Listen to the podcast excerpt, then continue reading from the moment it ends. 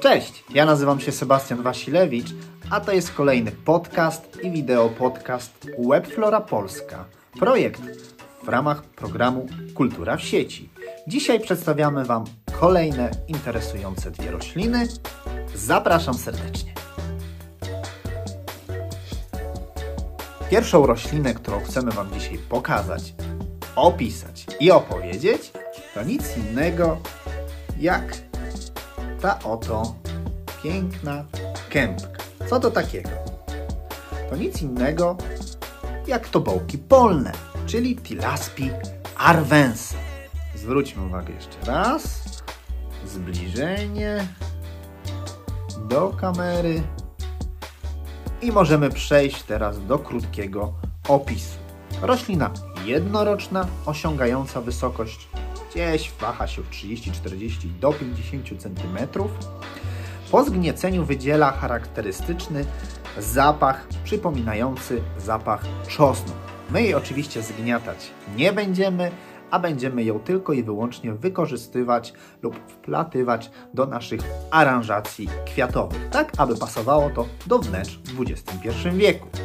Przechodząc teraz do krótkiego opisu, łodyga wzniesiona, naga, w górnej części lekko rozgałęziona, kanciasta i bruzdowata. Ulistnienie skrętolegle, skrętoległe, przepraszam, dolne liście odwrotnie jajowate, wyrastające na ogonkach, e, lekko strzałkowate, obejmujące całą łodygę. Jeżeli chodzi o kwiaty, to kwiaty drobne, mało dekoracyjne. To, co tutaj Wam pokazywałem, pokażę Wam to jeszcze raz, to nic innego jak łuszczyny. I one będą dla nas tym materiałem dekoracyjnym. Na tym będziemy się chcieli skupić i to będziemy chcieli pokazać w naszych aranżacjach. Tyle o tej roślinie. Nie wynaleźliśmy e, żadnych ciekawych przesłanek czy e, wierzeń ludowych na temat tej rośliny. Jedynie co nam się w tym momencie podoba i co nas zainspirowało do tego, aby pokazać Wam tą roślinę, to to, że ma bardzo fajne, charakterystyczne te łuszczynki, które będą fajnie pasowały do naszych aranżacji. Przechodzimy teraz do naszej drugiej rośliny. Myślę, że całkiem interesującej.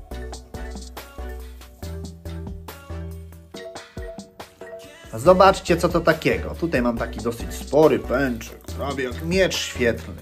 To nic innego jak haber bławatek. Zobaczcie, jak on się pięknie zasusza. Czy widzicie tutaj ten błękitny kolor? Charakterystyczny oczywiście dla habrów. Bardzo wysoka, ukwiecona łodyga, właściwie pęd, osiągająca całkiem spore rozmiary. Co my możemy o tym naszym haberku, bławatku powiedzieć ciekawego? No właśnie, roślina zielna z rodziny astrowatych. Nazwy ludowe, jeżeli przeanalizujemy książki i poszperamy, to jest ich całkiem sporo. Zwróćcie uwagę, że była nazywana w różnych wierzeniach bardzo różnie.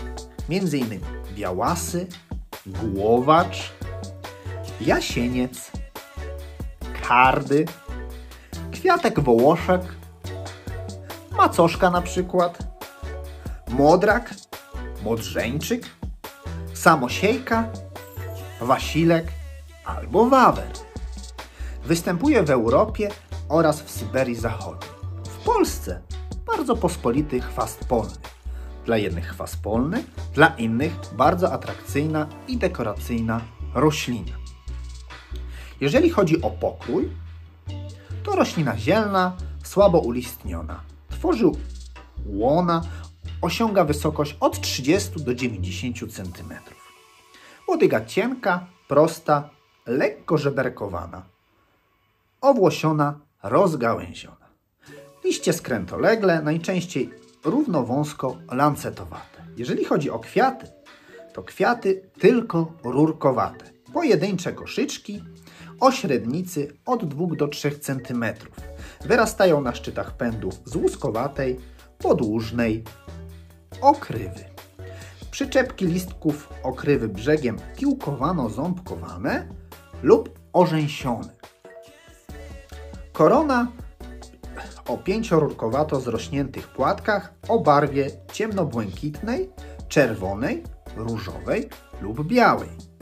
Kwiaty brzeżne większe, pięć pręcików, słupek dolny, złożone z dwóch owocolistków. Okres kwitnienia, co dla nas najważniejsze, żeby wiedzieć kiedy zbierać, to od maja do końca września. Jeżeli chodzi o wierzenia ludowe, symbole, to warto zwrócić tutaj na kilka ciekawych aspektów. Posłuchajcie. Symbol pruskiej skromności, jak się okazuje. Cnoty pruskiej, ulubiony kwiat Wilhelma I, kojarzący się z niczym innym jak z błękitem pruskim. Adam Asnyk, poeta, napisał piękny wiersz o Bławatku. Posłuchajmy. Jaki to chłopiec niedobry! Tak mnie wciąż zbywa niegrzecznie. Muszę się gniewać na niego. Gniewać niekoniecznie. Niedawno wyrwał mi z ręki zerwany w polu bławatek i przypiął sobie do piersi skradziony kwiatek. I jeszcze żartował ze mnie, gdym się żaliła na psotę, bo mówił, że ma coś więcej, ukraść ochotę, że oczy moje piękniejsze, nieźli ten kwiatek niebieski, że chce pić rosę z bławatków, a z oczów łezki. I mówił dalej niegrzeczny, że mnie rodzicom ukradnie. Tak straszyć kogo doprawdy, że to nieładnie. Chciałabym gniewać się bardzo, nie wiedzieć więcej. Ach, trudo. Wiem, że mnie samej bez niego byłoby nudno. Ale go muszę ukarać. Podstępu na to użyję. Będę umyślnie płakała. Niech łezki pije. Tyle w tym pięknym wierszu o Habrze Bławatku. Jeżeli chodzi o dalsze historie, to posłuchajcie.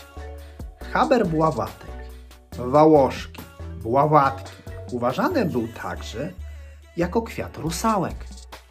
Według rosyjskiej legendy to właśnie w Bławatki zmieniała się rusałka, nawet nie rusałka, tylko w Bławatki zmieniała rusałka swojego ukochanego Wasylija. Nie umiał on bowiem żyć w wodzie, a ona z kolei nie wyobrażała sobie życia na lądzie, czyli poza wodą.